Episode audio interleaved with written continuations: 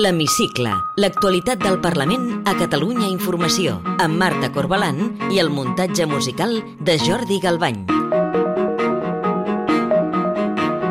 La setmana al Parlament ha estat marcada per la ressaca de la Constitució dels Ajuntaments dissabte passat i per les negociacions per formar el govern de la Diputació de Barcelona, la següent patata calenta del calendari polític. Junts per Catalunya no té clar si reeditar el pacte amb el PSC que hi ha hagut aquest mandat. La maniobra que va permetre investir el socialista Jaume Collboni com a alcalde de Barcelona encara dol a les files de Junts i alguns dirigents defensen no tancar cap acord amb el PSC. Els socialistes, mentrestant, ja negocien fórmules de govern alternatives per retenir la presidència de la Diputació. Per parlar-ne de tot plegat, avui entrevistem el cap de l'oposició i primer secretari del PSC, Salvador Illa. Benvinguts a l'Hemicicle. Té la paraula. Salvador Illa, president del grup parlamentari Socialistes Units per Avançar i primer secretari del PSC. Just fa una setmana va haver-hi un gir inesperat que va donar l'alcaldia de Barcelona a Jaume Collboni. Vostè quan va saber que Collboni seria alcalde? Mm, pràcticament quan els regidors electes de, de Barcelona entraven al sabó de cent per, pel poder de Constitució. No? Eh, tot i que vaig anar seguint el curs de les negociacions, confirmació de que Jaume Collboni seria l'alcalde, la vaig tenir, insisteixo, quan estaven entrant els regidors al plenari. Vostè sempre ha estat molt crític amb la debilitat del govern de Pere Aragonès. Li preocupa que Collboni hagi de governar amb només 10 regidors? Haurà ell de, de decidir i de veure com, eh, com afronta aquesta situació. Eh, ha dit que vol dialogar i parlar amb tothom i veurem les properes setmanes, mesos, doncs, quin govern configura i com eh, aconsegueix doncs, tirar endavant la ciutat. Jo tinc molta confiança en que ell ho farà. Vostè és partidari que entrin els comuns al govern de Jaume Collboni? És una decisió que ha de prendre ell. Eh? Jo dono suport a l'alcalde Collboni perquè prengui les decisions eh, que cregui més convenients per la ciutat. El que sí que m'agrada molt eh, és les manifestacions que he vist, eh, les primeres manifestacions que he vist que he fet com a alcalde, en el sentit de parlar amb tothom, d'escoltar tothom, de buscar sempre que sigui possible un, un acord el més ampli a la ciutat, crec que és el camí. Ell, segons les declaracions que ha anat fent aquests dies, ha obert la porta eh, al fet que els comuns puguin entrar més endavant eh, al govern. Vostè entenc, doncs, que ho avalaria. Jo avalaré totes les decisions que prengui Jaume Collboni com a alcalde de Barcelona o qualsevol dels alcaldes de la meva formació política, sempre que siguin decisions doncs, diguem-ne, consensuades i parlades, i per tant tinc plena confiança en el que ell pugui decidir per conduir la ciutat. Durant tota la campanya electoral, eh, Collboni va repetir taxativament que ell no seria alcalde si no era el candidat més votat i que si no fos així passaria a l'oposició dir una cosa i que després eh, es faci o passi la contrària no genera desafecció entre la ciutadania? S'han de contextualitzar sempre aquestes manifestacions, no?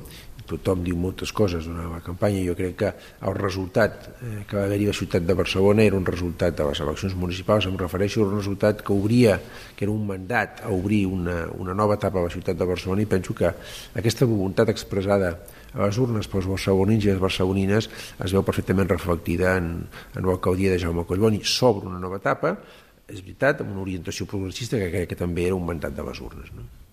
Diu que amb Jaume Collboni com a alcalde s'obre una nova etapa, però en el supòsit que els comuns acabessin entrant en el govern, això significaria una nova etapa, un canvi?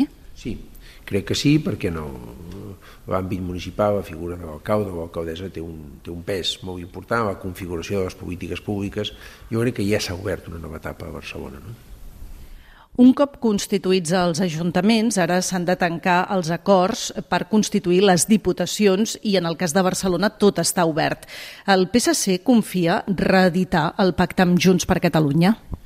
Nosaltres fem una valoració positiva de l'acord que hi ha hagut a la Diputació de Barcelona aquest darrer mandat, creiem que ha funcionat doncs bé, no? raonablement bé, i a partir d'aquí estem tenint converses amb diferents grups per veure quina és la millor fórmula per que la Diputació de Barcelona tingui un govern el més estable possible i sobretot al servei del món municipal, que és l'obligació de la Diputació de Barcelona. No, no puc anticipar res més, més enllà de dir que estem valorant diferents opcions, que l'experiència passada a nosaltres ens ha semblat positiva i satisfactòria i veurem els properes eh, dies o setmanes eh, com es concreta la governança de la Diputació de Barcelona. No? Hi ha alguna possibilitat de reproduir a la Diputació la triangulació que es va produir a l'Ajuntament de Barcelona? Hi ha diferents opcions no? i jo crec que l'exercici d'enraonar amb tothom, de veure doncs, quins són els punts de coincidència, quins són els punts doncs, en què hem d'acabar de treballar amb els diferents eh, representants, les diferents formacions polítiques que configuren el plenari de la Diputació de Barcelona és el pas necessari, el treball previ que s'està fent en aquest moment, almenys per part nostra, per veure quina és la millor opció. No? Està decidit que Núria Marín eh, tornaria a ser, en cas que fos possible, la candidata del PSC a presidir la Diputació? Fet una magnífica feina, Núria Marín, però no hem pres encara la decisió sobre eh, en funció també de com vagin les converses amb diferents grups, quina és la persona més adequada que nosaltres podríem plantejar per presidir la Diputació. Ara no és una qüestió de noms, de qui ho farà, sinó que és una qüestió de models, no? de veure quin és l'enfoc, quin, quin tipus de governança, i llavors doncs, prendrem la decisió si correspon prendre de quina és la persona que nosaltres pensem que de la nostra formació política doncs, podria presidir-la. No? La constitució de les diputacions coincidirà en el temps amb la campanya de les eleccions generals del 23 de juliol. Veu factible una victòria socialista? A les eleccions, sí, estic convençut que a Catalunya hi haurà un suport eh, a les candidatures del PSC. Són unes eleccions, eh, diguem-ne, molt clares a Catalunya. No? Es tracta de seguir avançant, d'avançar pel camí de la convivència, del diàleg o de retrocedir. No? Hi han dos, dues úniques persones que poden presidir el govern d'Espanya a partir del 23 de juliol, o Pedro Sánchez o Alberto Núñez Feijó, no? o avançar o retrocedir, o anar endavant o anar endarrere.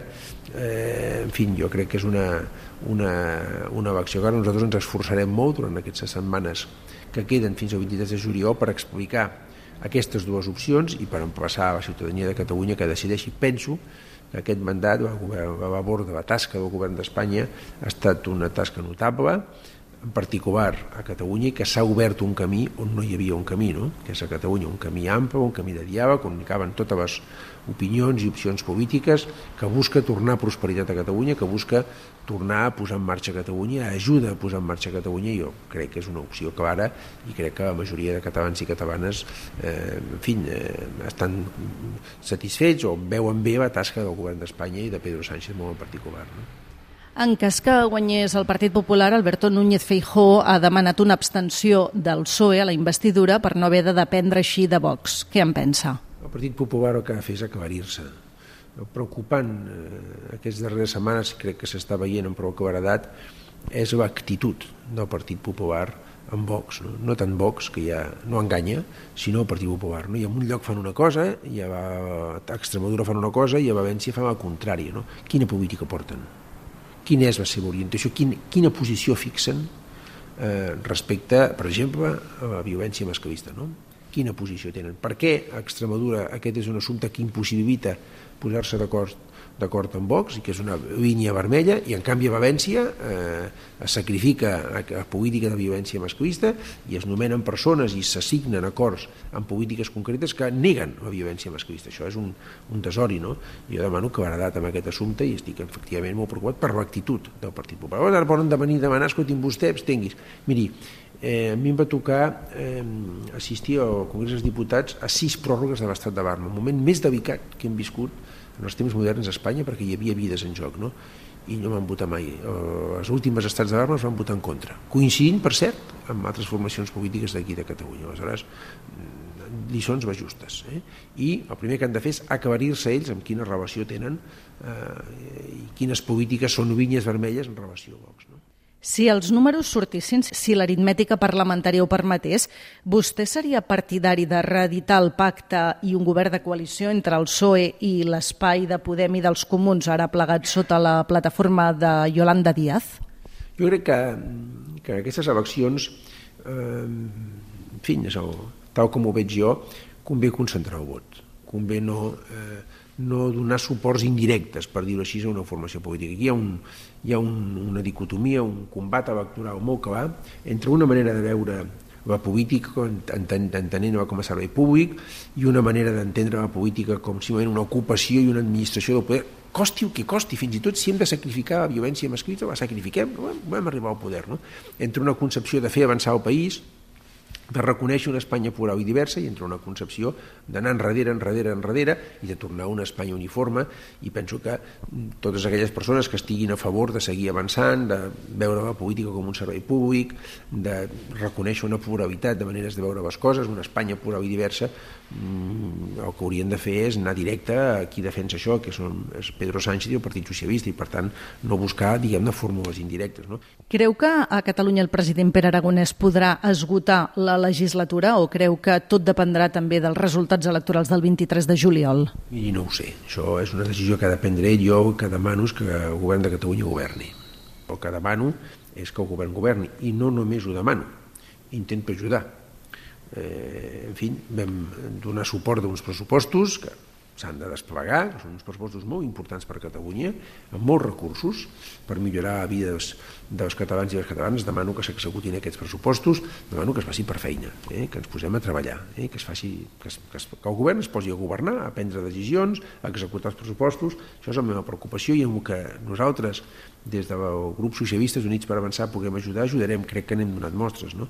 A més, quan decideixi el president Aragonès, doncs anirem a hi haurà eleccions i nosaltres doncs, farem els nostres plantejaments en el seu moment. Però ara m'importa que Catalunya vagi bé, que el govern, des del meu punt de vista, que no, està, no ho està fent prou bé, doncs es posi eh, en a, fer, a la feina, no? a treballar, i amb el que puguem ajudar nosaltres aquí estem. Vostè deia que el seu partit va permetre, va facilitar l'aprovació dels pressupostos de la Generalitat d'aquest any i demana al govern que s'executin aquests pressupostos. Estan satisfets del grau de compliment? Ho dic perquè hi ha coses pendents de firmar, com el conveni de la B40. Hi ha algunes qüestions doncs, que no estan avançant al ritme que ens hagués agradat, no? Miri, eh, hi ha un document signat, eh, la signatura del senyor Aragonès i la meva signatura, jo tinc confiança en la paraula i en la signatura del senyor Aragonès, no? La B40 espero que es desencalli doncs ben aviat, com les altres inversions en infraestructures que estaven previstes. El 6 de juliol hi ha una primera reunió de seguiment dels pressupostos, allà plantejarem, doncs, eh, demanarem informació pertinent i plantejarem alguns dubtes sobre l'execució.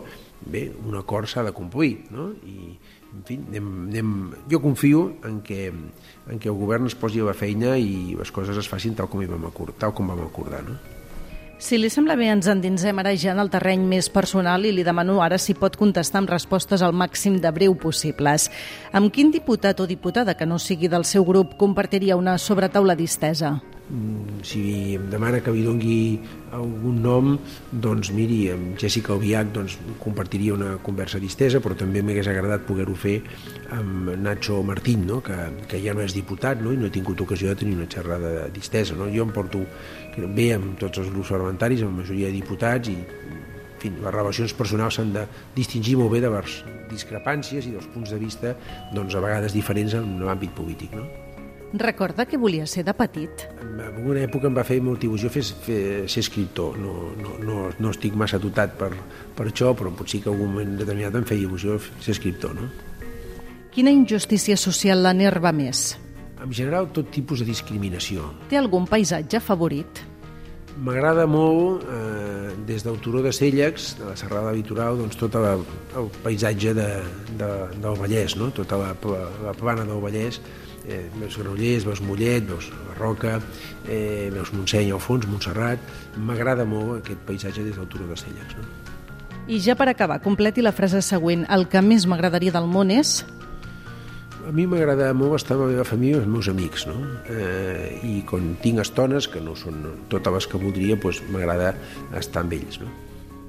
Salvador Illa, primer secretari del PSC i president del grup parlamentari dels Socialistes Units per Avançar, gràcies per atendre'ns a l'hemicicle de Catalunya Informació. Moltíssimes gràcies, un plaer. Podeu tornar a escoltar l'hemicicle al web catradio.cat barra hemicicle o al podcast del programa i seguir l'actualitat del Parlament al perfil de Twitter arroba L-hemicicle.